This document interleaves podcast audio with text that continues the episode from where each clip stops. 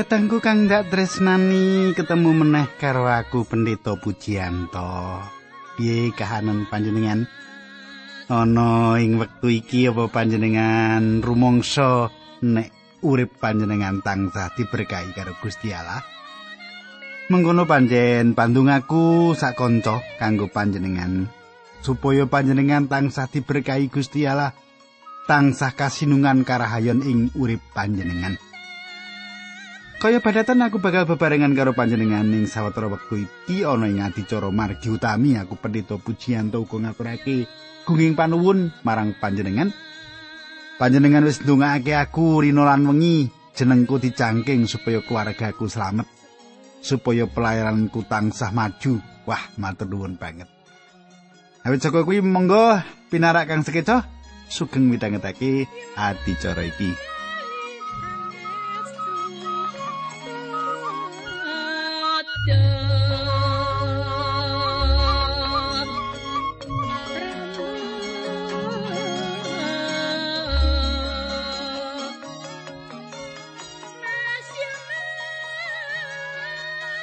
Kadangku tak jaluk panjenengan isi kelingan apa-apa sing ndak aturake marang panjenengan nalika no patemon kita kepungkur kae. Lan saiki arep tak ringkes wae supaya panjenengan paling ora kelingan mboko sedidik mengkono ya. Ing patemon kita kepungkur, kita wis rampung nyemak kitab para hakim. Lan ing patemon saiki kita bakal wiwit sinau kitab Rut. Kita bakal nyemak apa wae kang dipratelakake ing kitab Rut iki. Panjenengan tak derekake nyemak bebarengan lan sadurunge kuwi ayo kita ndedonga.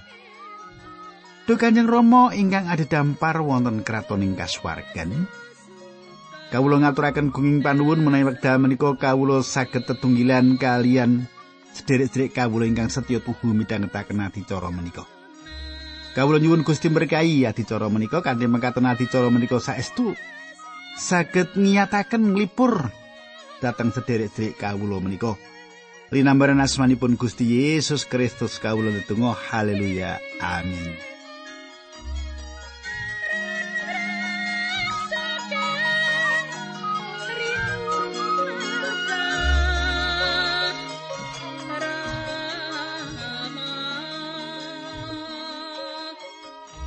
Katengku kang ndak tresnani saiki pasinon kita wis tekan ning kitab perut. Pasinaon kita wis tekan ning kitab perut. Kitab perut iki meratelake gegayutan perawan monco kang ninggalake agama kafir lan manembah brahala ing tanah Moab. Kita prutiki mratelake kegayutan perawan monco kang ninggalake agama kapire lan ninggalake anggone manembah brahala ing tanah Moab. Rut asale saka sawijining bangsa kang kabuang lan dheweke sebanjure kenal karo Gusti Allah Israel.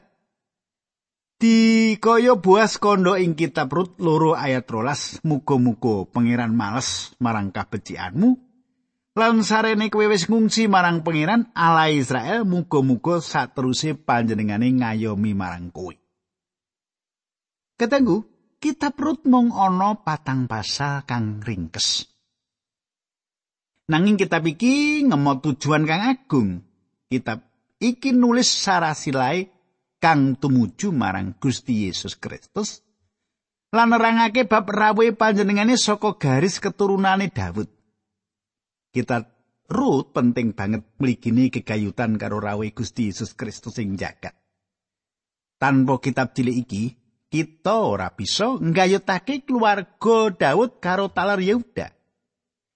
Kitab iki sawijining kitab penting kang nggayutake ing sajroning sambung sinambungi kitab suci kang kawiwitan saka kitab Purwaning dumati lan langsung tumuju kandang wedhus ing Bethlehem nganti menyang salib marang makutha lan marang damparing Daud ing ngendi Gusti Yesus ing titi mangsani bakal lungguh ing dampar mau. Ya iku kan dadi landesan kang kuat kenapa kitab Rut dilebokake ing sajroning kanon kitab suci. Nanging tujuan utama kitab Rut kadangku yaiku meratelake bab kang penting ing sajroning doktrin utawa wulangan panebusan. Dadi kitab Rut iki mulangake bab kang penting banget. Yaiku wulangan kang sinebut pulangan panebusan.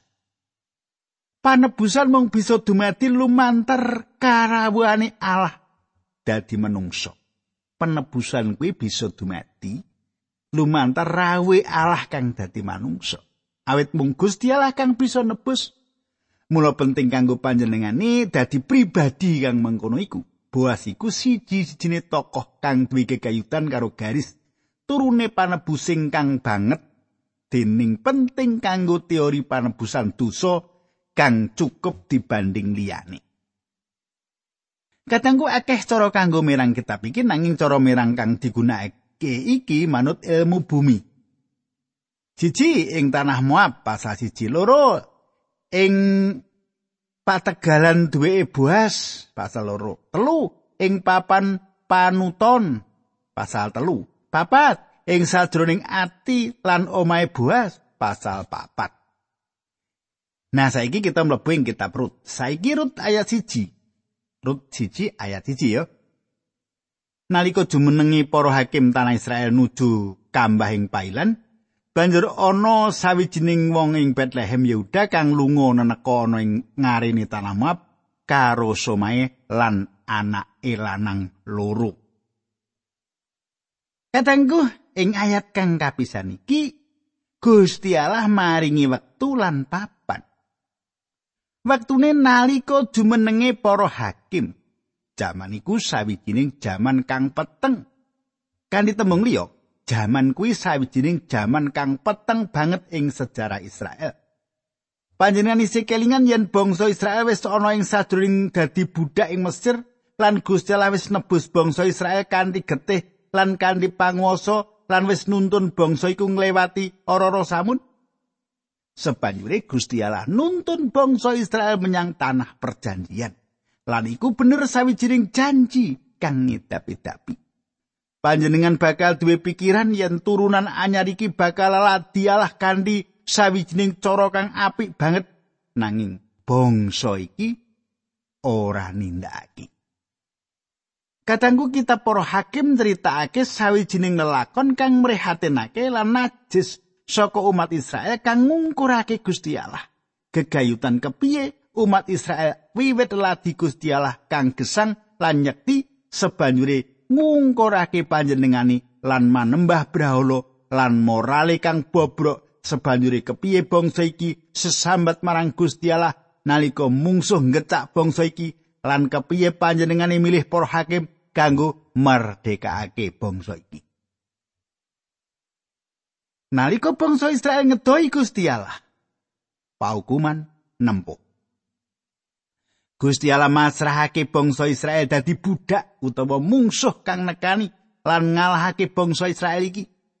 Sebanjure ing sadroning kasangsaran, bangsa Israel sesambat marang Gusti Allah lan Gusti Allah kagungan sifat welas asih. Panjenengani tansah ngedekake hakim-hakim, ngangkat para hakim kanggo merdekake bangsa Israel. Kitab Rut cocok karo zamani para hakim iki. Katanggu kang ndak tresnani. Gusti Yesus ora bakal tau dilahirake ing Bethlehem menawa lelakon-lelakon kang ditulis sing kitab Rut ora luwih dhisik dumadi ing Bethlehem. Bethlehem sawijining papan kang indah kanggo dipanggoni. Cerita Rut kawiwitan lan kapungkas ing kono lan yaiku papan Gusti Yesus dilahirake. Panjenengan gatakake pangandikane Gusti meratelake banjur ana sawijining wong ing Bethlehem Yehuda kang lunga neneka ning ngarene tanah Moab karo Somai lan anake lanang loro. Ana sawijining prakara kegayutan Moab ing sajroning pangandikane Gusti Allah kang dudut ati. Jabur 108 ayat 10 coba panjenengan gatakake. Jabur 110 ayat 10 mekapratelake mengkene. Moab kuwi pawisuanku. Yaiku kang dingendikake Gusti Allah marang Moab. Panjenengan katakake Moab iki papan wong kang kekabuang. Moab iki papan wong-wong kang dibuang. Wong-wong mau anduweni wiwitan kang najis lan mrihatinake. Muap ora duwe gambaran kang apik banget ing sajroning pangandikane Gusti. Kadangku. Yo iki saiki sawijining keluarga wong lanang bojone lan anake loro kang lunga menyang tanah Moab. Wong-wong mau ninggalake Bethlehem utawa omah roti lan omah pujian. Lan wong-wong mau lunga menyang Moab golek pangan ing papan pawisuan. Apa tahu panjenengan krungu cerita iki sadurunge eling marang pasemon Gusti Yesus bab anak kang ilang. Anak iki ninggalake omah bapake kang kaluberan lan lunga ngumbara menyang negara monco. Ing ngendi dheweke kepengin ngisi wetenge karo panganan kang diwenehake marang babi. Ya iki lelakon sawijining keluarga kang ilang. Nalika bencana pailan kurang mangan nempuh Israel, keluarga iki ninggalake tanah kelahirane. Keluarga iki kaweden. Kahanan iki salah siji saka telulas bencana kurang pangan pailan kang ditulis sing kitab suci. Saben ana bencana kurang pangan disebut ana ing pangandikane Allah. Iku sawijining paukuman saka Gusti Allah. Iki ora mung jaman para hakim kang kahanane peteng, nanging kahanan mengkene iki sawijining jaman peteng kang bangeti nalika lelakon iki dumati. Keluarga iki ora percaya yen Gusti Allah bisa ngreksa dhewe ing Bethlehem kanthi mengkono keluarga iki ngungsi ing tanah Moab. Ayo kita semak ayat loro saka bab siji. Wong mau jenenge Elimeleh, somae jenenge Naomi lan anake loro jenenge Mahlom lan Kilyon padha wengi prata saka ing Bethlehem Yehuda satekane tatah ma banjur padha manggon ana ing kono. Katangku jeneng Elimeleh ateges Gusti Allahku yaiku raja utawa raja iku Allahku. Nalika wong-wong nyebut jenengi, wong-wong ora nyebut Elimeleh, wong-wong kondo Allahku iku raja utawa Allah iku rajaku. Iku sawijining jeneng kang indah to. Kenapa? Awit jenenge wae wis mujudake sawijining paseksi. Sinadyan mengkono iku bakal dadi ala menawa wong kang duwe jeneng kaya mengkono kuwi ngungsi menyang tanah Moab.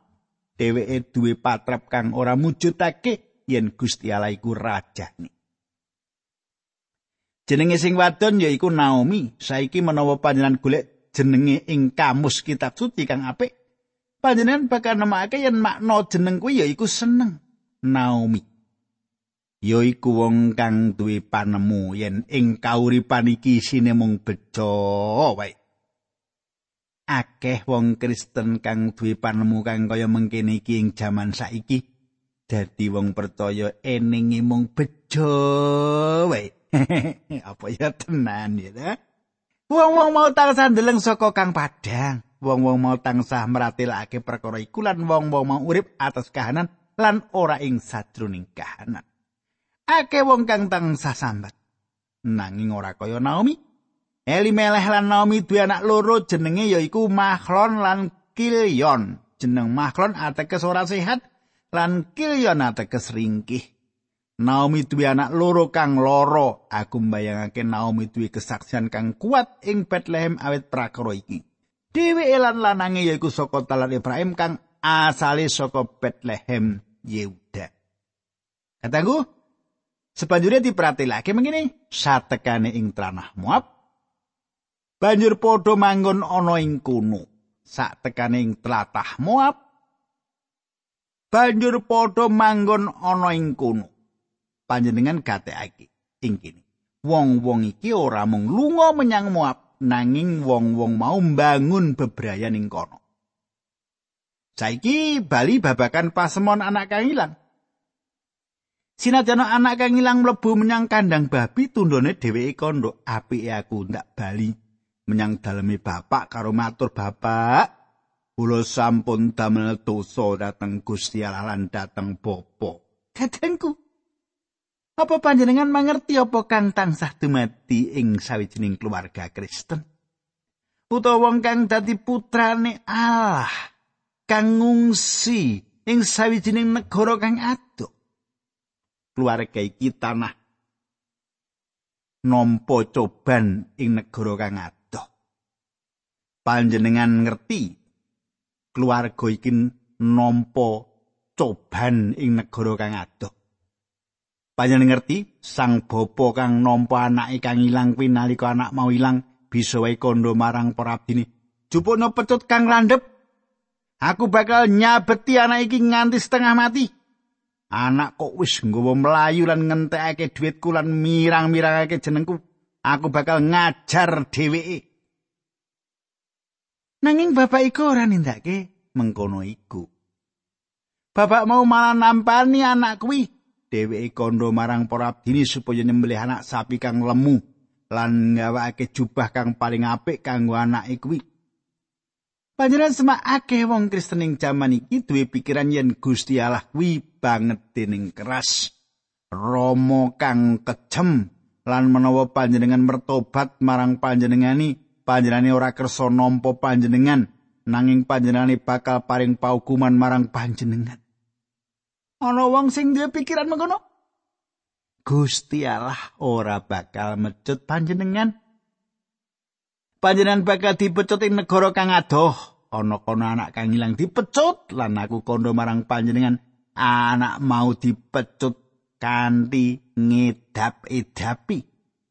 Lan keluarga Naomi iki bakal digawa menyang gudang kanggo nyimpen kayu obong. Wong-wong bakal dipecut ing negara kang adoh. Manut aku wong-wong mau sabeneri sawijining keluarga kang apik panjenengan gatekake apa kang dumati ayat telu. Elimelek mati. Dadi Naomi mung kari karo anake loro jenenge Mahlon lan Kilion. Kadangku keluarga Naomi bakal nglakoni kangilaning negara kang adoh lan iku kang dumadi. Yohanes kondo dosa kang nekakake pati. Siji Yohanes 5 ayat 16. Aku ora ngerti dosa apa kang nekakake pati kanggo panjenengan. Kanggo Ananias lan Safira yaiku ngapusi marang Sang Roh Suci. Aku ora ngerti yen patrap iku bakal nekakake pati ing jaman saiki. Manawa saupamane kaya mengkono kita bakal repot banget nindakake upacara panguburan ing gereja. Nanging aku pikir dosa kang nekake patiku padha kanggone saben wong. Nalika panjenengan ngedoi Gusti Allah yaiku wektu kangelan wiwit nekani saiki kang lanang mati. Panjenengan gatekake apa kang dumadi sawise dheweke mati. Ayat papat, loro-lorone padha kawin oleh wong Moab jenenge Orpa lan Rut let 10 taun. Kadangku panjenengan semak ana ing sanjaban patunggilan karo Gusti Allah lunga menyang negara kang adoh lan patrap sebanjure yaiku nindakake mortab iku patrap kang alepotan dosa lan malah nambah-nambah dosa lan yo mengkono kuwi kang ditindakake wong-wong mau nerak paugerane Musa kanthi ngepek bojo wong wadon saka Moab Orpa teges kidang utawa anak kidang Sawise ketemu Orpa, kita tekaning sawijining wong kang bener-bener ndudut ati. Rut. Lan aku bisa menehi panjenengan kegayutan 10 makna kang beda kang kegayutan karo jeneng Rut. Rut ateges ayu, duwe kepribadian. Lan dhewe duwe sifat-sifat iki. Rut yaiku pribadi kang ngedapi-dapi lan aku duwe pengarep-arep yen panjenengan bakal kasmaran karo dhewe awit dhewe kebenaran dadi salah siji saka leluhuri Gusti Yesus Kristus. Kadi tembung liya ing kamanungsane Gusti Yesus, Gusti Yesus marisi getihe Rut kang ana ing sajroning getihe panjenengani. Rut ngrabeni mahlon ing tanah Moab. Lan kenapa dheweke ngrabeni wong lanang kang lara iki angel dimengerteni wiwitane? Nanging kita bakal mengerti wektu kang arep teko. Saiki keluarga kang ilang iki ana ing negara kang adoh. Kang ilang wis nempuh keluarga iki. Namun wis kelangan kang lanang lan loro anak ing ngrabeni perawan Moab. Siji ayat 5 Mahlon lan Kilion iya padha mati mulane Naomi kari ijen. Kadangku saiki Naomi kelangan kabeh anggota keluargane lan apa kang isih ana ing dheweke yaiku mantu wadon loro kang ora duwe daya yaiku perawan monco kang ilang wis teka lan keluarga kang ilang iki kaya anak kang ilang kuwi dipecut ana ing negara kang adoh. Ayat 6 Let sawetara mangsa Naomi krungu kabar yen panenane umat Israel diparingi metu, mulane Naomi rasanan karo mantune loro arep bali menyang Bethlehem. Katangku kang gak tresnani. Pailan wis kepungkur ing tanah perjanjian. Lan wis ana tandon roti meneh ing Bethlehem. Dadi saiki Naomi kepengen mulih meneh. Anak kang ilang kangen omahe bapake. Nanging nalika iki samu barang bingungake ing sadurunge lagak lagu kang bebas ana anak-anake kang ilang kala-kala tekaning gereja lan wiwit dadi jalaran kangilan ing sadurunge gereja. Dadi tundone keluarga iki kudu mulih ing omahe Naomi kondo yen dheweke bali menyang Bethlehem Yehuda. Ayat itu banjur padha budal bebarengan menyang tanah Yehuda. Katangku, saiki Naomi bakal rembugan karo mantune wadon. Dewe kondo marang mantu-mantune gegayutan karo kahanan kang bakal dilakoni nalika ana ing Bethlehem. Panjenengan semak wong Moab lan wong Israel ora duwe gegayutan apa-apa antarane siji lan sijine. Wong Israel ora gegayutan karo wong Moab padha kaya wong Israel ora gelem gegayutan karo wong Samaria. Saiki Naomi kondo marang mantune loro gegayutan perkara iku awit mantu-mantune kuwi wong Moab lan mesti wae ana rega kang kudu dibayar menawa mantune kuwi gelem melu Naomi menyang Bethlehem. Ora palan rutuh ra bakal rabi meneh lan umure mantu-mantune isih enom. Iku ateges yen mantu-mantune tetep bakal melu menyang Bethlehem, Mula mantu-mantune bakal dadi rondo saumure lan mantu-mantune mau bakal urip melarat awit mantu-mantune wis kelangan kabeh bandani. Ayat 8 bab 1 kandhane Naomi karo mantune loro, kowe padha mulya menyang omahe wong tuamu wae, muga-muga pangeran berkahi kowe. Mergo nggonmu wis gawe becik marang aku lan anak-anakku sarta bojoku. Kadangku saiki Naomi duwe tutur kang endah kanggo mantu-mantune. Mantu-mantune wis dadi mantu wong wadon kang becik lan panjenengan ngerti angel kanggone wong kang dadi ibu milih perawan kang pantes dadi bojone anake lanang. Nanging kene ana wong wadon kang kondo yen para perawan monco iki sawijining estri kang apik nanging dheweke mituturi supaya mantu-mantune bali menyang omahe ibune lan ora melu dheweke awet rega kang kudu dibayar lan dheweke kondo. ayat songo. Muga-muga Gusti Allah maringi judhu marang kowe lan kowe padha duwe brayat sawise mengkono nawi banjur ngambungi mantune loro mau arep pepisahan nanging Orpa lan Rut padha nangis. Kadangku iki bener-bener sawijining sesawangan kang nrenyohake. Nrenyohake? Naomi kondo marang mantu-mantune menawa mantu-mantune manggon ana ing Moab, mantu-mantune bisa rabi karo wong sak bangsani.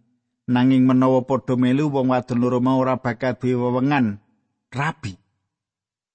Ana kene wong wadon telu mau ana ing prapatan dalan ing tanah Moab lan wong telu mau padha nangis. Katanggu kang tak tresnani banjur kepiye terus kita bakal nyemak ayat-ayat sak banjure saka kitab Rutiki nanging ana ing patemon kita besok ora saiki ya mula jenengan kudu yakin besok panjenengan bakal bebarengan karo aku nah itu ndedonga Dukane Rama ing swarga kawula ngaturaken kuing panuwun menawi wekdal menika kawula saged mbeberaken sabda pangandikan paduka. Kawula pasrahaken wonten ing asta paduka gesang kawula sami linambaran asmanipun Gusti Yesus kawula ndedonga haleluya amin.